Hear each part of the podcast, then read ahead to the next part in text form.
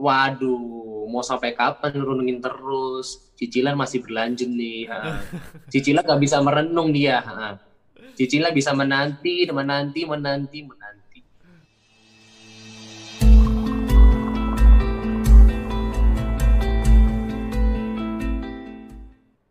Oke, nah ini kan pandemi sekarang ini.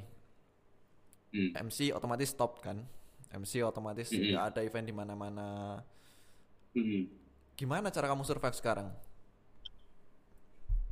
Nah, satu orang banyak tanya, justru aku ketika pandemi ini aku makin hedon. Oh, Oke. Oke. Kok bisa? Kebetulan aku di tahun lalu itu sempat belajar namanya investasi. cerita. Investasi di reksadana sama juga di saham. Itu coba dan hasilnya cukup oke gitu. Jadi uang dari penghasilan itu itu aku simpen buat dana darurat.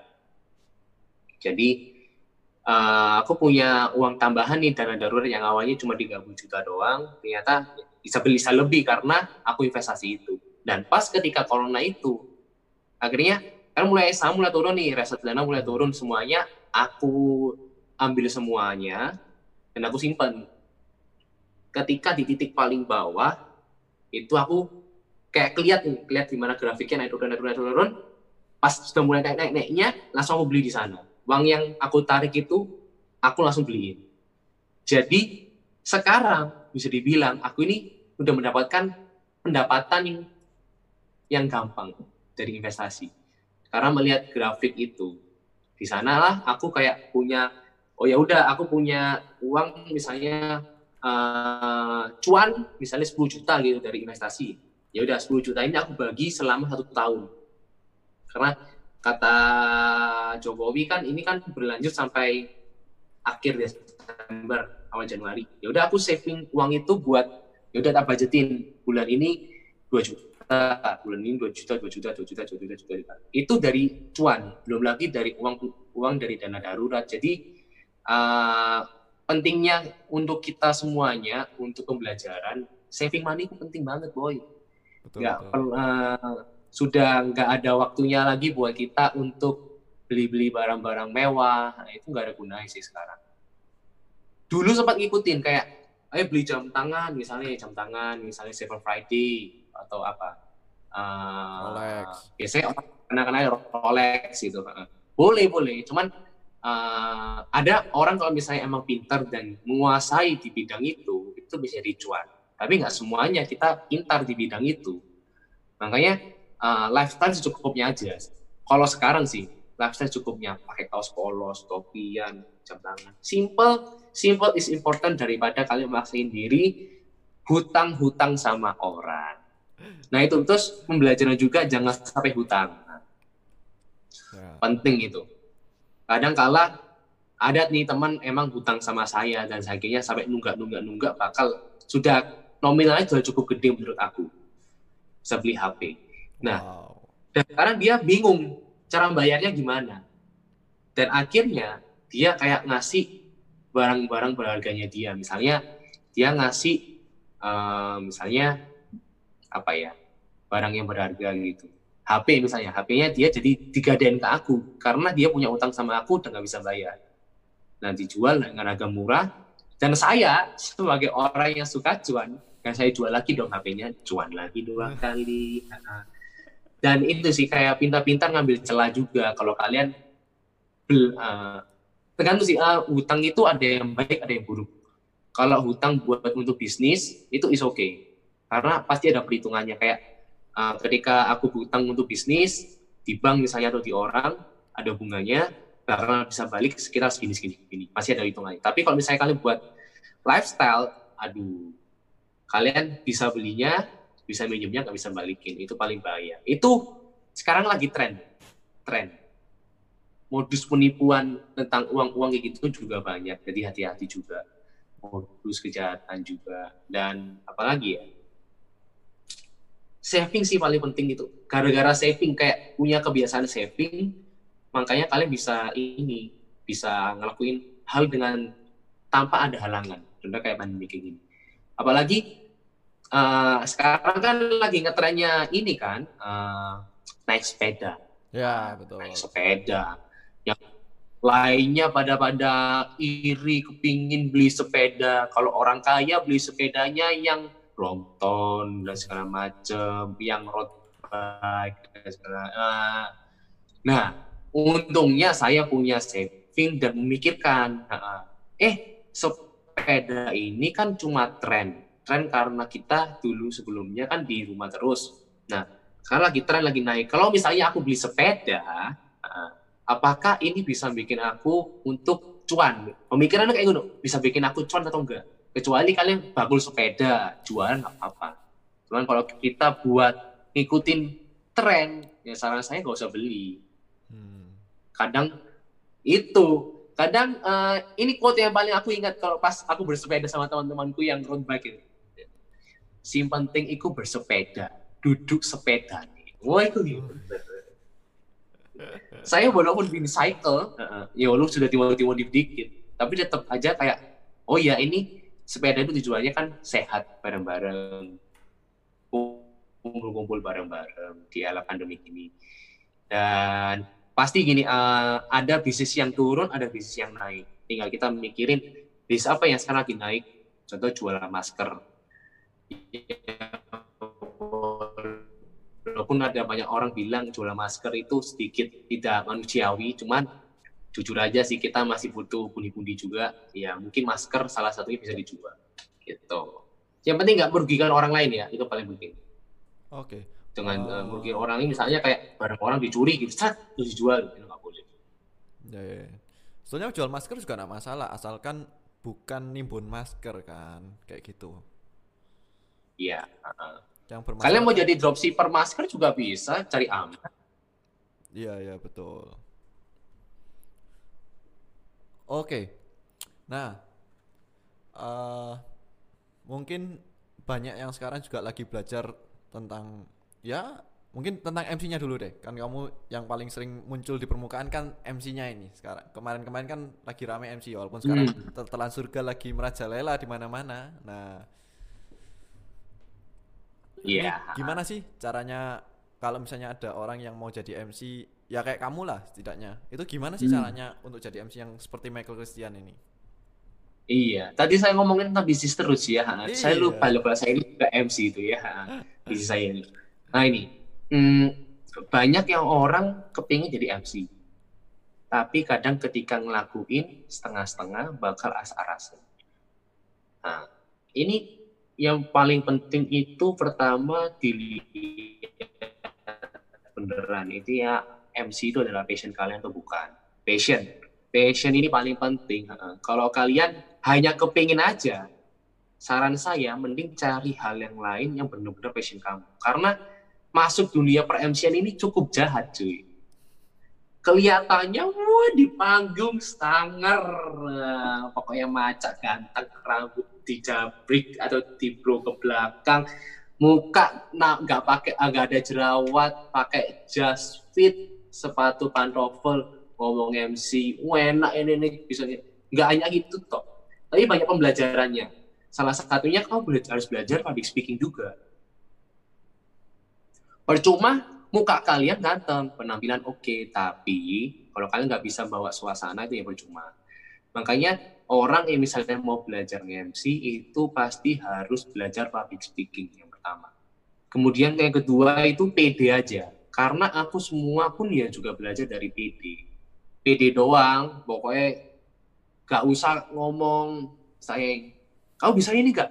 Wes aku pasti, aku tipikal ya eh, tanya kayak gitu. Oh iya iya iya, iya pasti iya iya. iya. Cobain aja, cobain. Kalau misalnya nggak nggak misalnya kayak hati nggak enak itu berarti oh ya bukan passion kalian bukan jalan kalian dicobain semuanya passion itu gampang kok cara ngajuinnya kayak cara mencarinya aku dikasihin tips sama satu orang itu dia kayak pakar di bidang mencari passion passion. Bakal dia pun juga ngasih satu buku. Sisi bentar bukunya di sini. Buku itu tuh tentang ini uh, bagaimana cara kita menemukan passion kita. Jadi kayak dijelasin kayak kamu suka apa, kamu punya talenta apa, kamu apa apa apa, itu jelasin semuanya sampai nemuin satu passion kamu di sana. Biasanya dalam satu minggu kalian coba kayak kalian enaknya ngapain aja. Contoh misalnya aku mau nyoba satu minggu ini masak, punya passion di sana nggak? Nggak punya ganti. Coba misalnya aku olahraga, punya passion di sana nggak? Nggak ganti. Menulis, membaca, dan segala macamnya. Cari sampai kalian menemukan passion kalian di saat itu mungkin saat ini case aku adalah passion aku dari bidang ngomong public speaking nemulah itu kemudian ketika dijalanin puji Tuhannya juga jalannya terbuka dan aku belajarnya gampang gini nah setelah nemuin passion nemuin passion kamu sudah di public speaking saatnya kamu mulai mengupgrade dirimu entah bagaimana caranya dengan cara branding diri kamu agar seperti orang-orang pada umumnya, MC-MC pada umumnya. Contohnya, MC-MC sekarang itu mm, lagi kayak berusaha untuk orang-orang yang meme-meme yang masih umurnya masih 16 tahun, bakal kayak mama-mama muda, atau orang-orang yang mau nikah dan segala macam, targetnya ke sana. Nah, targetnya ke sana. Oh ya, ya wes, aku bakal akan ke sana. Caranya gimana ya? Nah, caranya bikin konten. Karena uh, aku melihatnya dari gini sih. Orang kalau misalnya dalam sebuah event, orang itu kepingin dihibur. Dihibur. Bagaimana caranya dengan bikin konten? Kita belajar, eh, kita cara belajar belajar ini ya, belajar menghibur orang dengan cara berkonten. Ada konten di mana garing, it's okay. Ada konten di mana kita meledak. Nah, dari meledakan itu kita tinggal belajar aja template-nya. Kita kayak gini gini gini kayak gini justru bisa bikin aku terkenal. Oh ya udah kalau kayak gitu aku akan lanjutin dari sana mulai terkenal mulai terkenal mulai dikenal orang orang pasti akan lirik kok seret oh ya ternyata Mike Kristen ini lucu. Oh Mike ini ternyata pintar loh dalam ngomong. Enak kalau misalnya diajak MC enak jadi MC ku. Walaupun nggak ganteng muka saya. Ya udah. Makanya dari sanalah aku uh, bisa survive-nya. Satunya dibikin konten itu. Itu buat kalian yang mau belajar, bikinlah konten sebanyak-banyaknya. Bikin video yang menarik, bikin memes yang menarik, atau bikin mungkin kalau kalian suka yang formal, bikin podcast seperti Yosua ini. Ini ya cocok buat kalian buat belajar. Karena MC itu ngomong sambil mikir. MC itu kayak kalian sudah pegang mic seret gini. Sama malam para pengunjung dan segala macam. Nah, nah, nah, ngomong-ngomong. Dan di otak itu kayak berusaha ngetik kata-kata di sini. Ini ini ini ini ini ini ini ini ini ini. Kalau ngeblank satu detik aja, pastilah MC itu bakal akan gelagapan kayak berapa mati. Nggak kayak gitu. Makanya itu penting. Juga cari pengalaman sebanyak-banyaknya. Ambil part sebanyak-banyaknya tidak hanya MC, cuman pada saat presentasi pun juga presentasi misalnya di sekolah, mungkin kuliah itu ya penting. Itu belajar buat kita untuk ngomong di depan banyak orang. Karena pressure-nya kalau kalian MC dibandingkan dengan presentasi itu beda banget. Presentasi mungkin kalian misalnya kayak ada salah dikit gagal is okay. Mungkin alhasil itu ya uh, bakalan diomongin lah, oh, presentasi ini elek, mending apa yang segitu. Nah, sama juga, kalau MC jelek, gak bisa mimpin, dampaknya itu bakal ke orang lain juga. Dampaknya itu bakal, kok nggak bakal dipanggil mana jadi MC, terus kamu juga bakal uh, diomongin yang elek-elek sama orang lain karena oh coba pakai itu. Ini word of mouth ya dari dari orang ngomong oh coba pakai MC ku MC ku elek gak ngomong. Makanya kalian harus punya pengalaman yang banyak banget. Omongan orang yang bilang kita itu jelek, kita itu gak bisa MC dan segala macam itu jangan ditelan mentah-mentah. Karena setiap orang itu memandangnya beda-beda. Jadi ketika kalian MC nih masih belajar-belajaran, misalnya di mall misalnya, ada orang bilang siapa sih MC ku gak terkenal gitu. It's okay. Anggap aja itu sebuah trigger buat kita. Sekarang belum terkenal, tapi nanti lihat berapa tahun lagi aku akan jadi MC. Ya, jadi pengalaman itu juga koneksi itu ya penting. Kalian harus pilih apa ya pilih teman pilih koneksi yang menurut kalian bisa membawa kalian menjadi pribadi yang baik. Contohnya aku akhirnya masuk di satu manajemen manajemen yang sama-sama dengan Abi Bayu. Karena satu passion satu arahan dan satu tujuan bareng-bareng. Kayak gitu sih salah satu caranya masuk manajemen.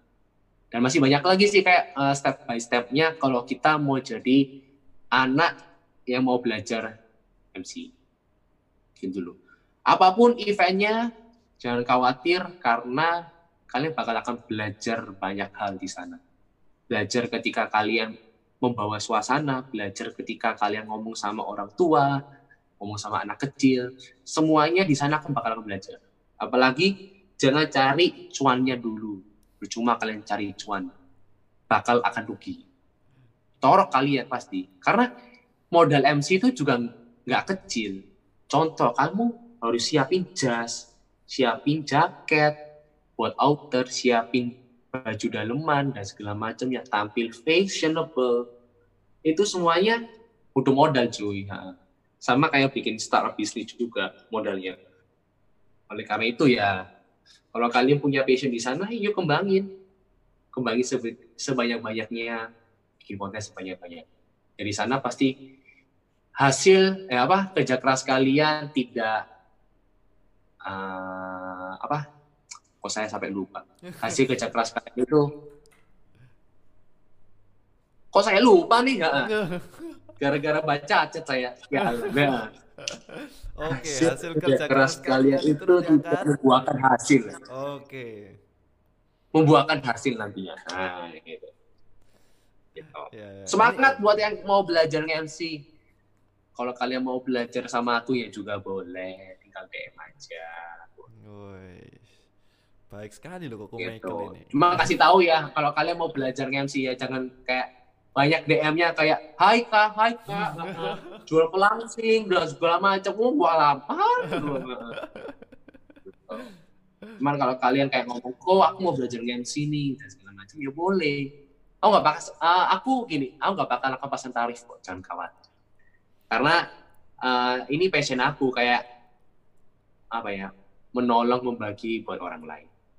Ya, ya. Karena teori itu gampang pelajarinya ngasih teori gampang, cuma prakteknya aja yang susah. Oh. Betul, betul. Kalian semangat ya. Oke, nah tadi ya kita ngomong pengalaman bisnis juga. Tadi kan MC sudah ini udah dapat pesannya ini kita. Nah hmm. kalau untuk bisnis tadi kan sudah cerita pengalamannya, cuman kan uh, oke okay, dari pengalaman itu sebenarnya kalau kita lihat ke depan, oke okay, harusnya kita kalau berbisnis itu harus mikir apa sih seharusnya gitu. Kalau kita cuman ya ini tadi kan. Oh, ini satu-satu hal yang paling penting kemarin. Ini dua kali ini aku ketemu episode yang sedikit mirip. Jadi uh, punya hmm. sekitar lebih dari satu bidang profesi. Jadi uh, hmm.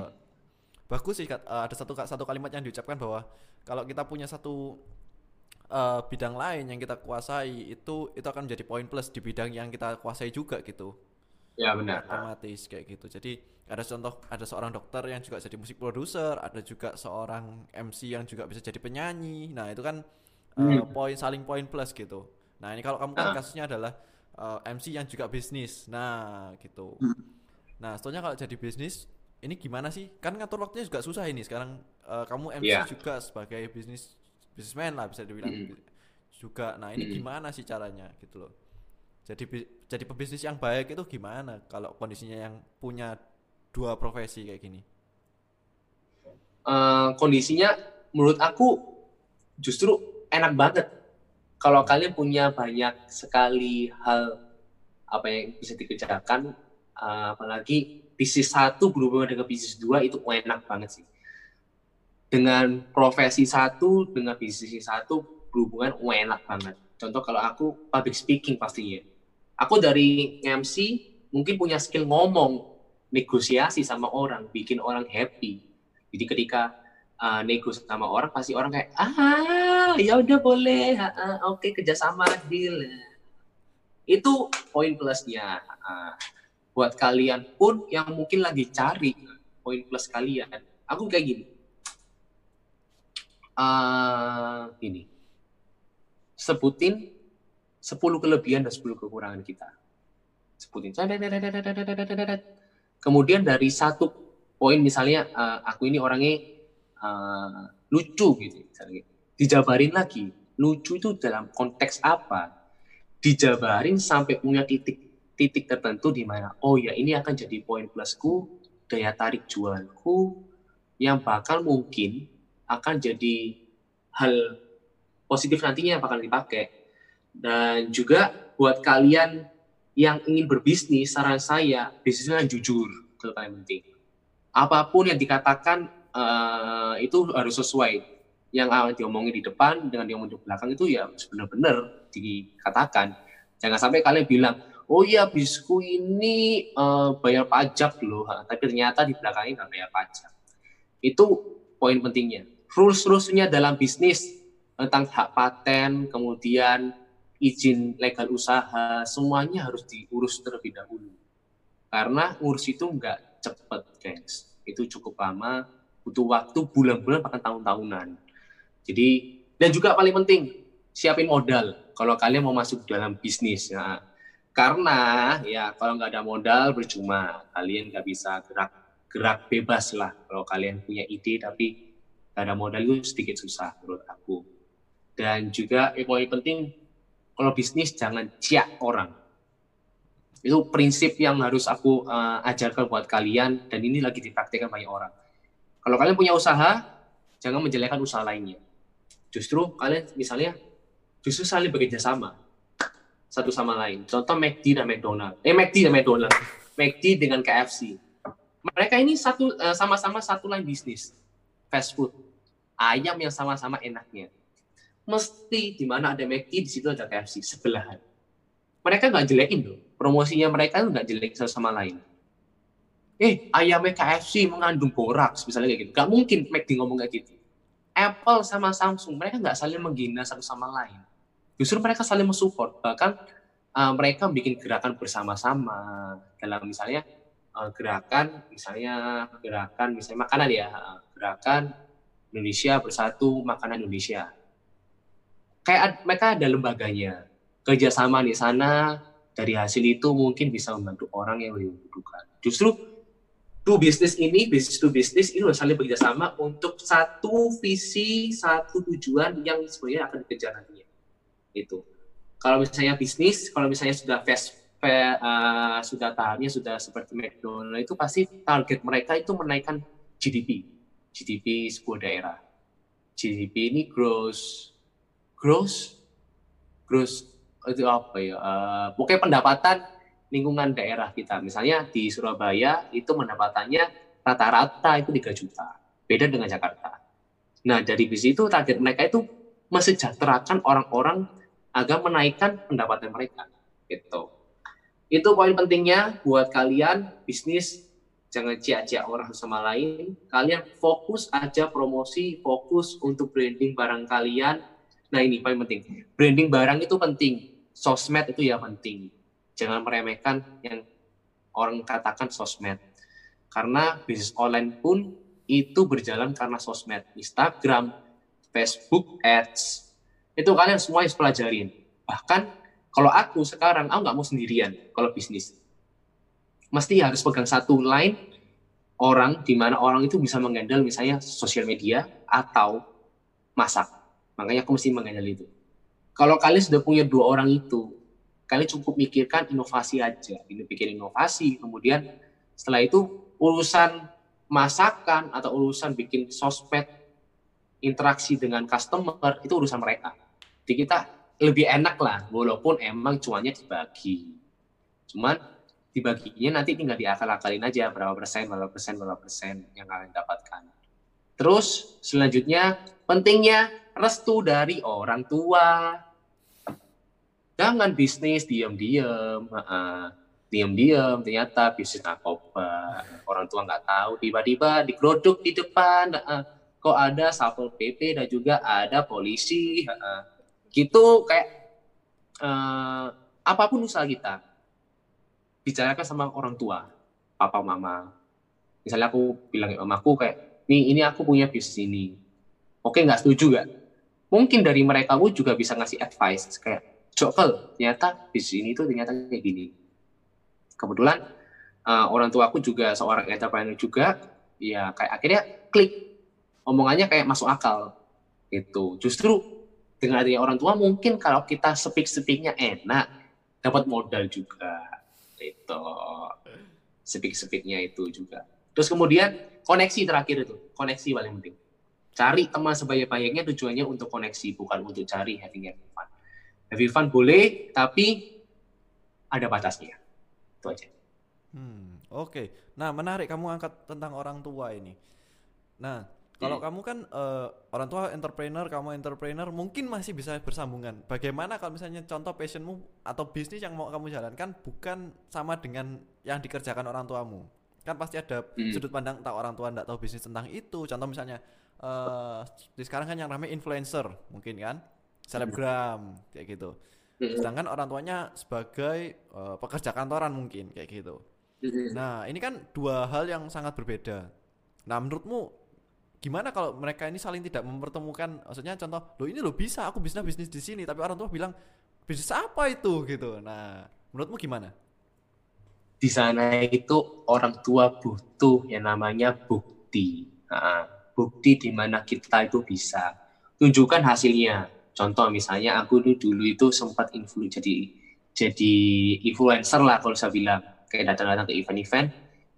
Orang tua bilang nah, eh buat apa? Datang ke sana nggak ada gunanya. Kamu datang story dapat minum gratis dan buang waktu. Penting kamu kerja di kantor kamu dibayar.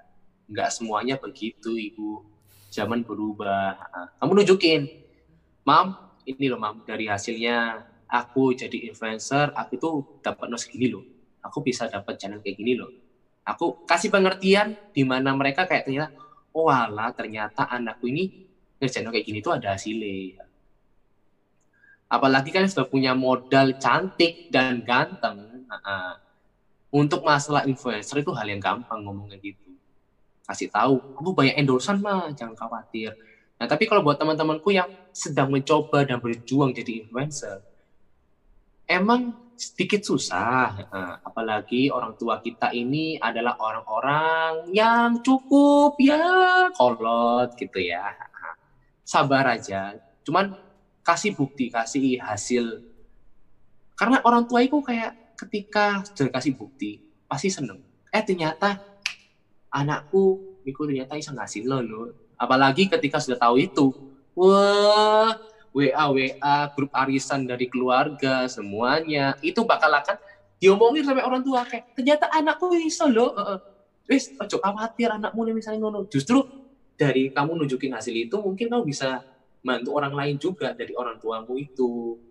Dan saranku juga kalau misalnya kalian tidak diizinkan mungkin ada something punya juga wrong.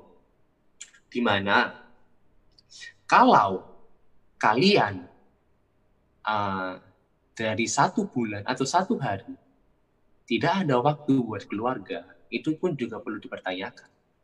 Karena uh, apa ya karena keluarga aku ini keluarga yang cukup seru sih cukup seru. Nggak ada uh, orang banyak iri dengan keluarga saya. Emang emang emang.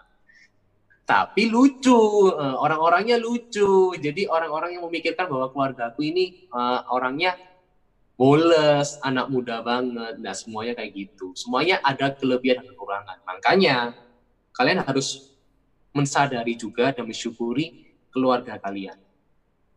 Gimana pun keluarga kalian, itu keluarga kalian.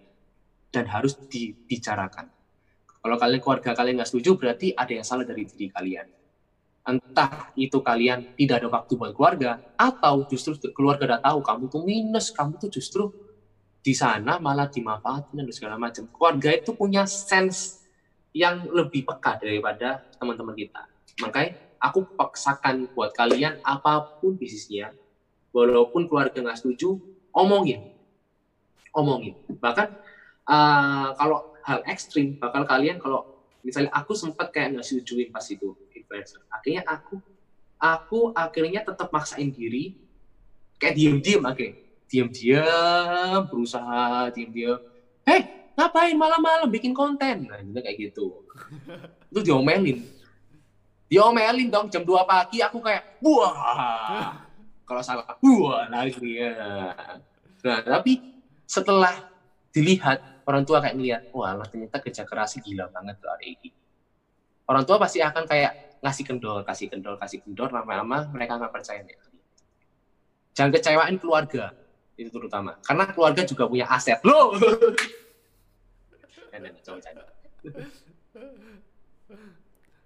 Oke, nah menarik sih, gila, wow, banyak loh ilmunya kali ini, gila.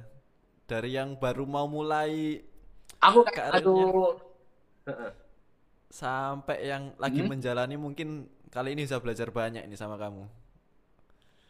Wow, wow. Iya, semoga semoga ini ya dapat pelajaran dikit. Nah, dari pengalaman saya. Oke oke menarik. Wow, udah kita ini udah ngobrol panjang, Mike.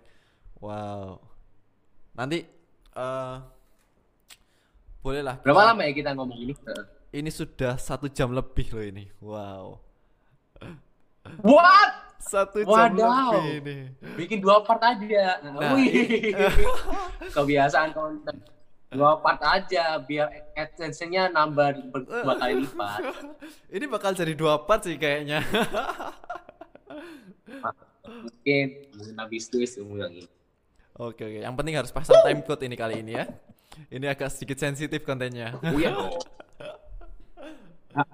Ini hanya untuk anak-anak, uh, tidak untuk anak-anak ya. Jadi ini konten berbahaya buat kalian. Tapi ada ada baiknya juga. Ya, ya, ya. Gak separah MLI kok ini. oke oke. Nanti siapa tahu kita bisa collab bareng Mac entah dalam oh mungkin tetelan surga ya. Tetelan surga butuh promosi nih. Nah, biar kok enggak kena copyright lagi, kita bikin lah jinglenya anu uh, tetelan surga. Wah, kebetulan saya kemarin bikin guyon-guyonan juga. Guyon-guyonan uh, musik buat Tetelan Surga. Ada sih buat Tetelan Surga. Cuman masih belum aku rilis gitu. Tapi oh. siapa tahu kita kerjasama pun juga ya boleh banget. Justru yes. lebih bagus malah kalau sama kamu. Ini langsung deh. Saya kan pakai peralatan seadanya. Saya todong langsung di sini deh. Nah. Ayo kita bikin deh. Tetelan surga musiknya tak bikinin. Langsung. Free. Asik. Langsung nah ini kan pentingnya network ini. Nah, dapat free satu.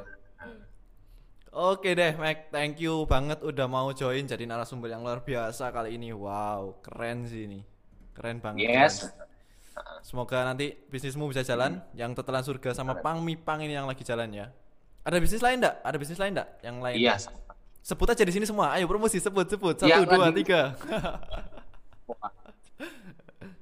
Berapa ya? ya ini lima pokoknya. Uh, Pang Ipang, terus Tetelan Surga, Kiru Project, MC, nah, okay. terus juga The Master Clean, cuci sepatu itu. Oh masih jalan ya cuci sepatu ya? Ah masih jalan. Dan ini sih uh, ada lagi satu bisnis project rencananya ada kayak cafe angkringan gitu nggak sih? Hmm. Oke oke oke. Itu lagi kayak di konsep kayak uh, ada tempat punya keluarga itu kayak nganggur gitu dulu bekasnya kafe eh pakaian buat untuk ya istilahnya bagi hasil kemudian buat kamu buat kerja usaha oh ya nggak apa-apa tak pakai gitu makanya ini lagi kayak godok kayak konsep apa ya ada segala macam gitu oke wow keren keren Mike keren Oke, semoga pandemi ini cepat selesai. Hmm. Kamu bisa MC lagi untuk membantu bisnis bisnismu ini. ah, Dan aku juga... kepingin masih kepingin pegang nih. okay, Kemarin dan... itu aku nge-MC aja pakai ini, eh, pakai face shield, masker. Ya gimana bisa luas nge-MC-nya? Oh. Aku doain semoga corona cepat selesai. amin deh, amin biar semua ya bisa jalan lagi normal ini, bisa kumpul-kumpul lagi. Wedding biar jalan lagi nih ya, ya kan? Iya, eh, saya tetap jalan kan. Oke. Okay.